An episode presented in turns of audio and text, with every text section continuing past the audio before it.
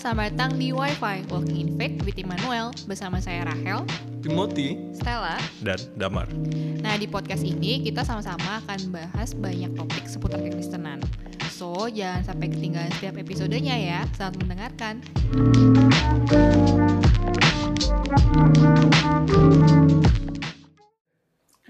Selamat datang di Wi-Fi Podcast episode ke-12.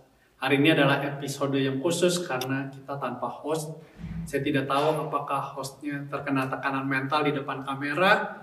Tapi di sini saya seorang diri, saya Rick Ruben. Dan di dalam episode ini saya akan menjawab beberapa pertanyaan jemaat yang sudah masuk dan sudah difilter oleh tim Wi-Fi Podcast. Sedikit disclaimer, beberapa jawaban saya nanti mungkin bersifat subjektif atau opini saya semata, tapi juga itu pergumulan saya dengan firman Tuhan yang mungkin ke depannya bisa didiskusikan lebih lanjut. Selamat menikmati episode 12 Wi-Fi Podcast. Silakan pertanyaannya. Haruskah kita pacaran sebelum menikah? Hmm, pacaran sebelum nikah bertanya kepada orang yang belum pernah pacaran. Berani juga hostnya. Tapi mungkin kalau dipikir-pikir jawaban saya sih rasanya perlu ya.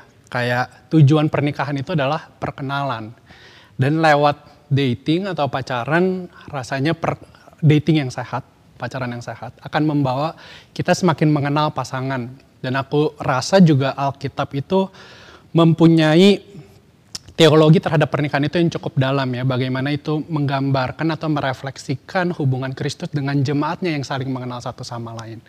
Jadi di dalam batas yang lebih sehat, menurutku ya pacaran itu tujuannya adalah untuk saling mengenal satu sama lain. That's why sebelum pernikahan rasanya ada baiknya untuk berpacaran terlebih dahulu.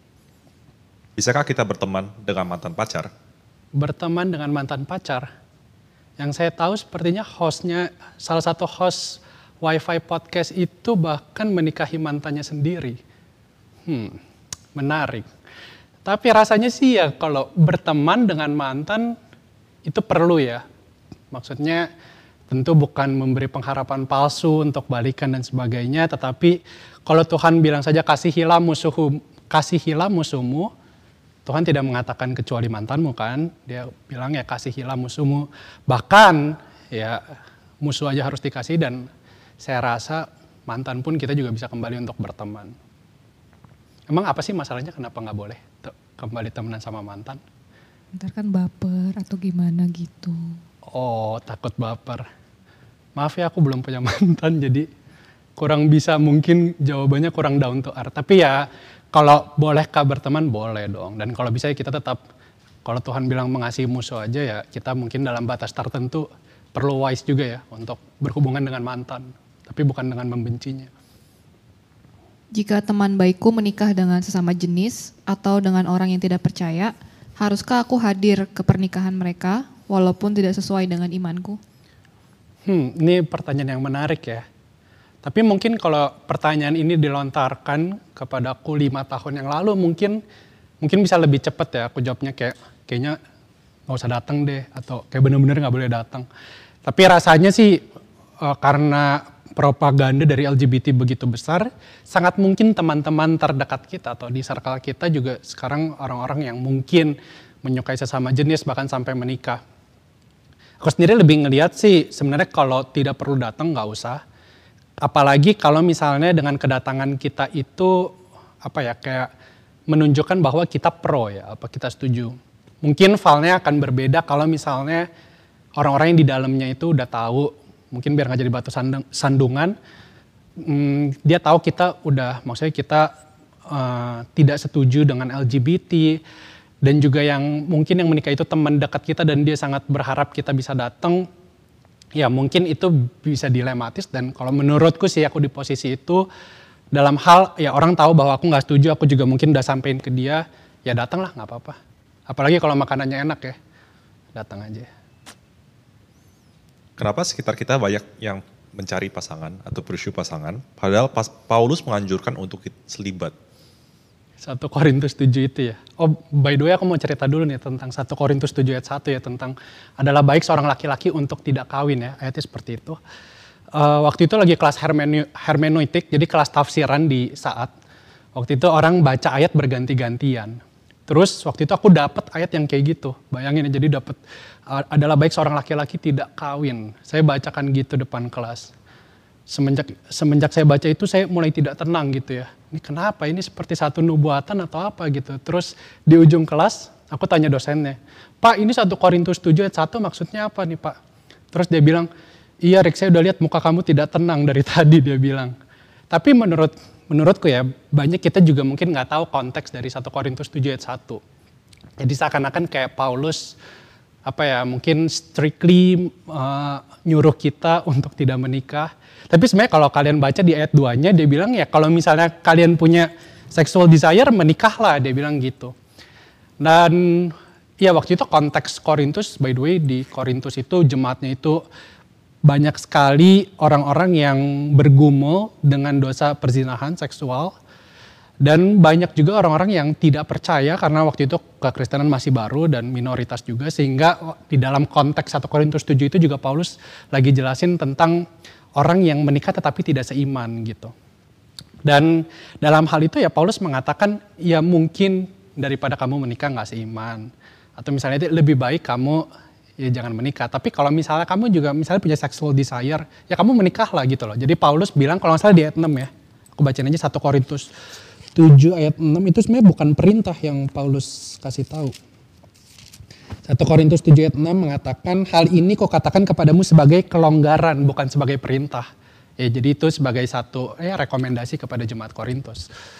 Hmm, ya jadi itu sama sekali bukan perintah yang pertama jadi jangan dianggap bahwa itu adalah satu kayaknya wah menikah itu kesannya lebih rendah daripada yang tidak menikah. Tapi di sisi lain mungkin bagus juga kalau setiap kita, apalagi sebagai orang-orang yang sudah menyerahkan hidupnya bagi Tuhan, boleh juga mungkin kita berdoa tanpa harus merasa tabu, Tuhan apakah saya juga dipanggil untuk menikah? Atau misalnya ya saya nggak, memang Tuhan pengen mungkin lebih mengkhususkan dengan panggilan selibat ini sesuai 1 Korintus 7. Nah itu mungkin aku rasa perlu keberanian. Dan aku juga berapa kali sebenarnya tergoda untuk mendoakan itu, tapi serem ya. Jadi tidak tahu. Nah ya. Boleh nggak sih sebenarnya kita pergi ke clubbing atau ngerokok sama teman-teman atau ya mungkin kita punya tato dengan alasan mau bersosialisasi? Hmm.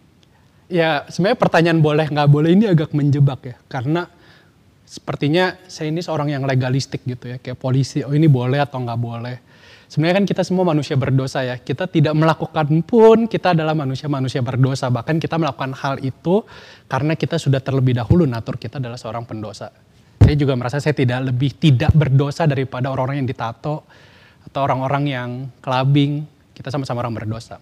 Nah tapi Paulus di 1 Korintus 10 biasa kalau tanya kayak gini ke pendeta gitu, dia biasa kasih defense-nya dari 1 Korintus 10 ayat 23, mungkin pernah dengar segala sesuatu diperbolehkan benar, tapi bukan segala sesuatu berguna. Segala sesuatu diperbolehkan benar, tapi bukan segala sesuatu membangun. Jadi yang pertama aku lihat pertama mungkin motivasinya juga ya. Waktu itu Paulus tulis di dalam konteks persembahan makanan berhala ya mungkin boleh aja kamu makan, it's okay. itu bukan makanan yang tiba-tiba bikin kamu sakit atau bikin kamu diare. Enggak ya, itu makanan ya tetap ya daging yang dipersembahkan pada berhala ya tetap daging. Tapi apakah itu menjadi batu sandungan buat orang lain? Ya kamu lihat dulu alasan kamu ke sana bener gak sih? Kadang-kadang alasan sosialisasi itu sih kalau aku lihat kadang-kadang cuma jadi kayak defense-nya mereka doang, tapi sebenarnya mereka mau ikut sebenarnya di clubbing ngapain sih? Ya clubbing minum-minum mungkin dan mungkin bisa jatuh ke dalam hal-hal yang lebih tidak baik. Dan yang kedua juga perlu disadari banyak hal yang mungkin kita tidak sadari saat kita sudah terbiasa melakukannya karena itu membangun habit ya. Jadi uh, kalau alasan tadi motivasi mungkin kita sadari ya. Tapi banyak hal yang kalau kita udah iyain, kita ikutin, ya udah kini kita ke clubbing terus, itu bisa jadi habit. Nah, kalau ada masalah habit ini Mazmur juga bilang kayak misalnya Mazmur 1 Mazmur yang terkenal nih ya, berbahagialah orang yang tidak berjalan menurut nasihat orang fasik, yang tidak berdiri di jalan orang berdosa, dan yang tidak duduk dalam kumpulan pencemooh. Mazmur nggak bilang kayak, ya udah nih kamu jadi eksklusif, jauhin para pendosa, mereka jauh lebih berdosa dari kamu. Enggak, tapi saat kita masuk ke mereka, sadari juga bahwa ada habit-habit yang mungkin nanti kita akan juga terbangun. Nah itu juga aku rasa perlu hati-hati. Jadi kalau saya sih bilangnya bukan boleh nggak boleh, tapi kalau kita mempertimbangkan seperti itu, stigma sosial dan sebagainya, saya merasa kok tidak pantas lah kita sebagai anak Tuhan juga untuk melakukan hal tersebut. Streaming illegal, yes or no? Bukan download. Streaming ilegal, yes or no? No lah ya, jadi selama aja ilegal ya. Menjebak nih pertanyaannya. Tapi sih, ya aku juga nggak mau munafik juga. Sometimes ya kadang-kadang ya kalau misalnya lagi streaming bola nih, terus kayak misalnya yang di platform berbayarku tuh lagi nggak ini boleh gak sih confess dosa di YouTube? Ya udahlah ya. terus kayak misalnya nih kayak lagi stiorong lagi ada gangguan itu, biasa aku kadang suka jangan diikutin. Kadang-kadang nggak semua perilaku hamba Tuhan tuh baik. Saya juga mau bertobat by the way. Next. Apakah crazy rich Christians harus mendowngrade mereka punya lifestyle? Wah ini kayaknya yang ngomong crazy rich juga nih. Uh, crazy rich Christians perlu downgrade lifestyle? Hmm, tergantung ya downgrade. Kalau aku sih lihatnya sih gini ya, maksudnya ya kalau memang punya uang it's okay lah buat beli gitu. Maksudnya kalau misalnya nggak perlu anti juga, maksudnya kalau orang kaya misalnya dia punya mobil yang lebih bagus. Tapi yang mungkin perlu diperhatikan apakah dia itu jatuh ke dalam hedonistik gitu ya, maksudnya mereka ya materialistik karena dengan uang kita merasa kita punya power dan kita bisa beli apa aja. Nah, itu yang mungkin perlu di apa ya mungkin ya perlu di notice juga. Terus juga aku lihat sebenarnya orang-orang yang crazy rich itu yang mungkin aku lihat juga di Indo saat mereka hidup lebih sederhana aku lihat mereka tuh lebih bisa diteladani loh karena dalam hal untuk mengkonsumsi sesuatu mereka lebih bisa self control gitu jadi untuk hal-hal yang kelihatan ya dia lebih senang misalnya kelihatan sederhana aja dan dia pakai uang itu misalnya untuk bantu yang lain.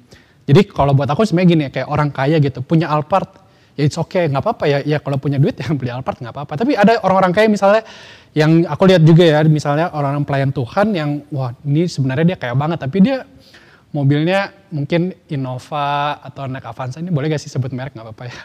Atau misalnya dia bawa mobil yang mungkin lebih sederhana.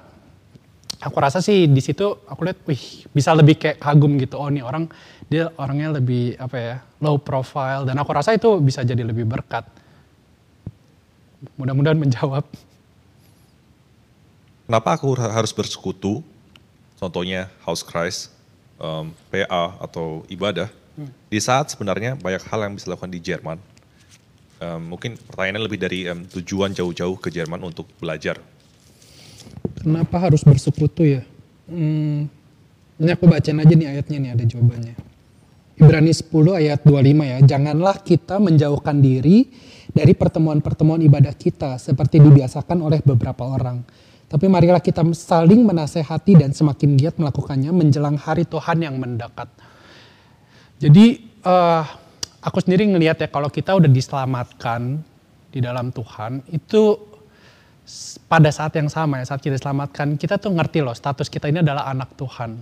Sehingga saat kita di mana pun kita berada kita tahu bahwa base camp kita ya kayak kita ini kan sebenarnya lagi uh, sebagai anak Tuhan sedang mendirikan kerajaan Allah di dunia ini. Kita tahu bahwa kita punya base camp itu adalah di persekutuan orang-orang percaya gitu. Kita bukan dipanggil sebagai lone ranger atau sebagai single fighter tapi kita adalah orang-orang yang telah ditebus di dalam Kristus dalam satu persekutuan jadi ya aku rasa hmm, itu adalah hal yang diperlukan sih ya untuk benar-benar berkumpul. Tapi ini bukan untuk menjadi excuse misalnya kita meninggalkan tanggung jawab. Karena aku rasa kita studi itu juga dengan kesadaran kita adalah anak Tuhan, kita bisa menyadari bahwa saya pun sebagai student yang nantinya saya akan mendalami ilmu ini adalah usaha saya juga, panggilan saya juga untuk mendirikan kerajaan Allah di dalam bidang saya. Jadi itu juga perlu dipertanggungjawabkan secara serius juga di hadapan Tuhan. Jadi kalau misalnya ada ujian, musim ujian, saya rasa nggak perlu sampai merasa berdosa, nggak ikut house Christ atau nggak ikut uh, eh, PA, it's okay sih kalau menurutku nggak apa-apa. Cuman ya tadi kayaknya kalau kita udah sebagai anak Tuhan, rasa untuk kita bersama-sama sebagai satu umat Tuhan, bekerja bersama, melayani Tuhan, dan sebagainya itu adalah hal yang perlu. Jika orang tua kita adalah wakil Allah di dunia ini, apa yang harus kita lakukan jika orang tua kita tidak melakukan tugas tersebut? Misalnya kita nggak bisa respect sama hmm. mereka karena satu dan lain hal. Iya ini aku lihat sih pergumulan yang sulit ya. Kalau ya kita tahu ya bahwa di dalam firman Tuhan kita dipanggil untuk menghormati orang tua kita, kita juga tahu bahwa orang tua adalah wakil Tuhan. Tapi bagaimana saat itu tidak berjalan bersama dengan firman Tuhan? Yang pertama kita perlu tahu bahwa otoritas tertinggi adalah firman Tuhan dan kebenarannya. Jadi saat orang tua itu tidak sejalan dengan firman Tuhan, aku rasa kita punya alasan yang kuat untuk kita lebih mempertahankan apa yang Tuhan berikan kepada kita. Tapi aku juga percaya bahwa di sisi lain Tuhan itu punya rencana yang indah ya buat setiap keluarga yang ada. Maksudnya nggak ada yang kebetulan. Kenapa kita lahir di dalam keluarga yang mungkin seems atau kelihatan lebih broken, atau misalnya di dalam keluarga yang tidak ideal, aku rasa Tuhan tetap punya rencana yang indah buat kita, bahkan buat keluarga kita. Mungkin kita akan membawa damai di dalam keluarga itu ataupun sebagainya. Jadi kalau ditanya apa yang harus kita lakukan, mungkin aku nggak bisa langsung jawab. Kali mesti lihat juga uh, case per case ya, maksudnya kasusnya gimana. Tapi mungkin kalau dalam perspektif aku yang dari budaya timur, mungkin satu sisi ya kita lebih perlu memperjuangkan keutuhan keluarga atau keharmoni, harmonis keluarga ya, keharmonisan keluarga. Kecuali itu udah membawa kamu misalnya uh, kamu harus meninggalkan Tuhanmu gitu. Atau kayak kamu harus korupsi gitu, kayak maksudnya benar-benar didorong untuk melakukan dosa. Nah itu pertanyaan dilema itu kita sekali lagi tadi balik ke uh, fondasi kita yang pertama adalah bahwa kita harus menjaga benar firman Tuhan. Tapi sebisa mungkin keep your family safe lah apa yang bisa kita lakukan saat berada di keadaan rohanian yang kering atau autopilot mode atau sogar lagi turun? Hmm, ya ini berapa kali aku juga sebenarnya kalau saat teduh ya suka kadang-kadang turun juga ya misalnya kita nggak selalu kadang menikmati terus saat teduh kita setiap hari. Ya tapi aku rasa kita boleh melakukan evaluasi. Mungkin yang pertama hmm, bagaimana kita melakukan saat teduh itu. Misalnya apakah benar-benar kita udah sediain waktu yang benar-benar gak khusus untuk Tuhan. Atau kita cuma melakukan itu sekedar buka Alkitab yang penting selesai rutinitas, itu kita perlu evaluasi juga. Apakah kita ada persiapan hati sebelum masuk ke saat teduh. Atau misalnya ada kekhawatiran hidup apa gak yang mungkin selama ini kita pikirin, kita khawatirkan dan itu menyita banyak pemikiran kita daripada pemikiran kita waktu kita saat teduh.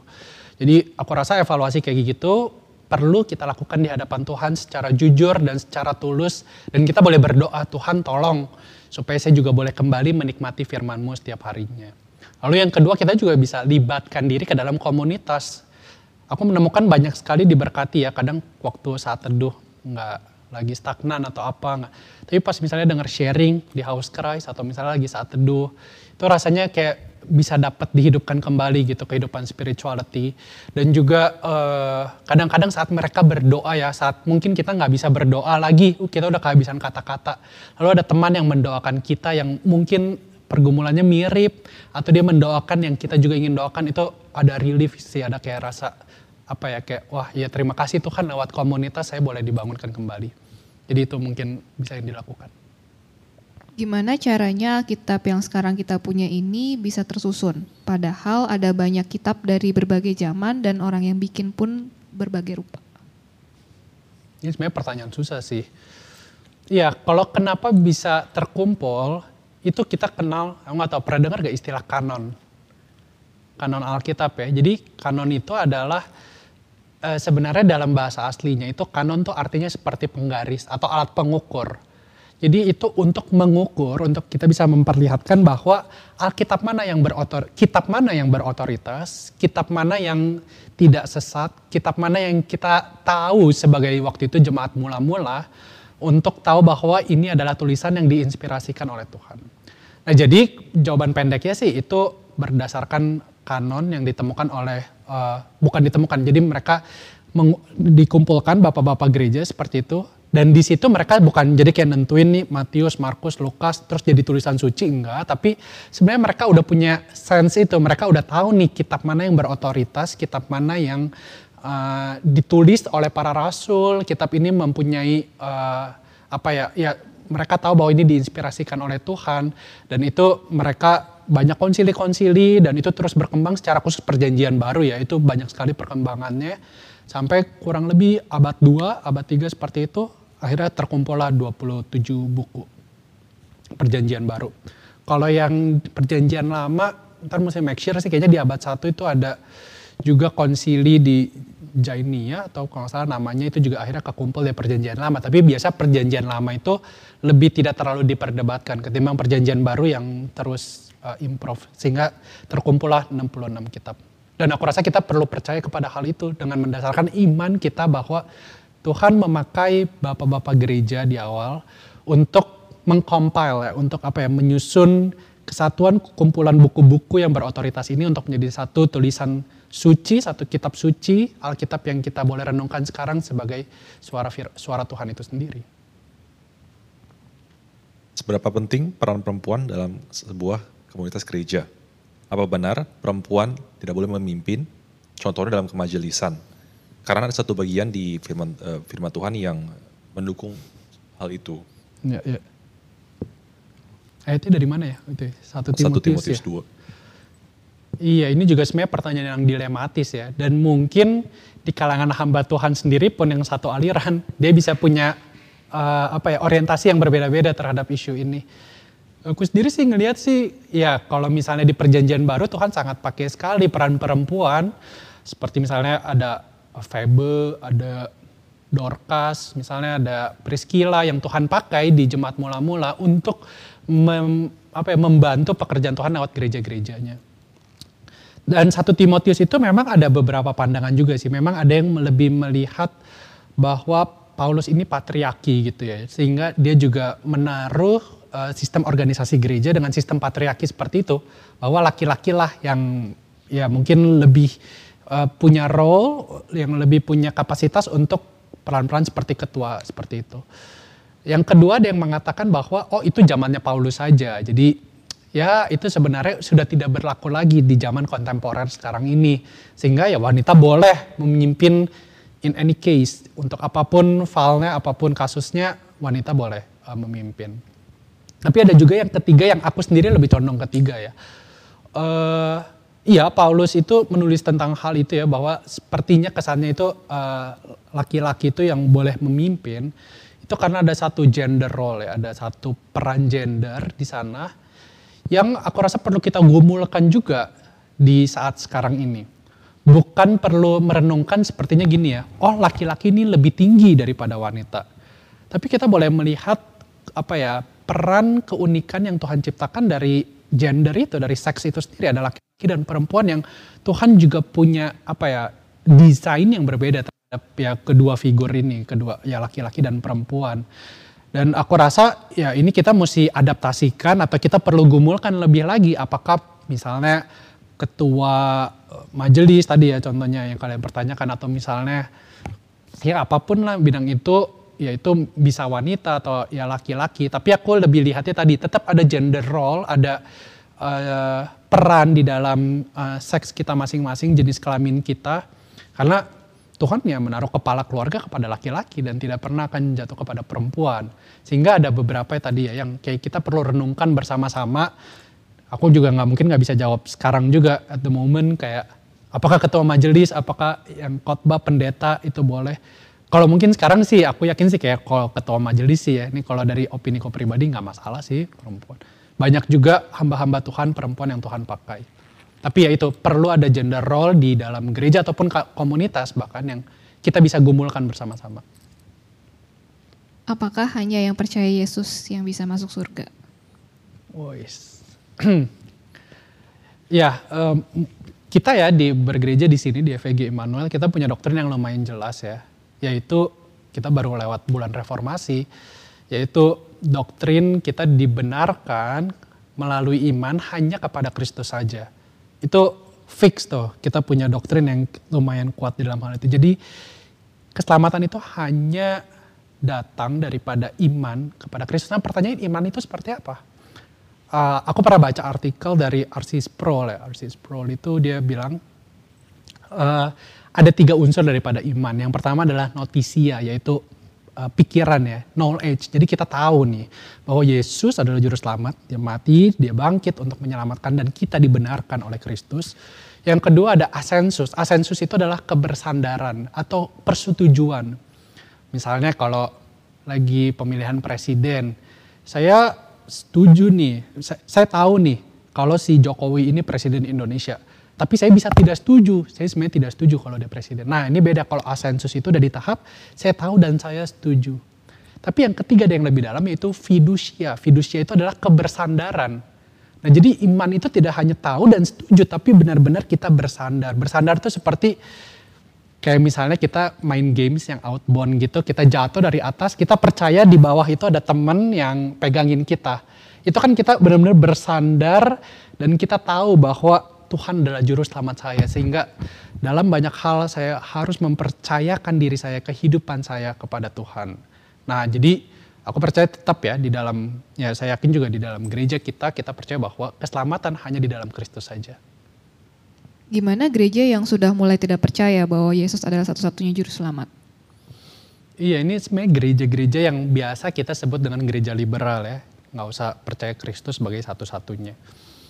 Hmm, aku sendiri nggak mau mungkin lihat kayak oh ini gereja sesat gitu. Ini apa misalnya gereja setan atau ini adalah utusan iblis. Mungkin nggak se apa ya mungkin nggak sebelan atau se ngejudge itu.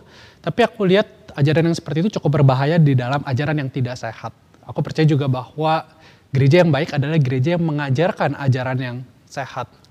Hal itu ya mungkin sekali lagi aku nggak berani terlalu judge gimana. Tapi ajaran yang seperti itu tidak akan mungkin membawa good spirituality ya. Maksudnya dengan ajaran yang baik saya juga percaya bahwa spiritualitas yang baik juga akan muncul. Oke, sudah ya begitu saja pergumulan jemaat. Terima kasih untuk pertanyaan-pertanyaannya yang cukup mencobai. Terima kasih juga sudah menjawab. ya, terima kasih untuk para host. Semoga setelah ini yang episode saya kalian berani muncul di kamera. Oke, selamat.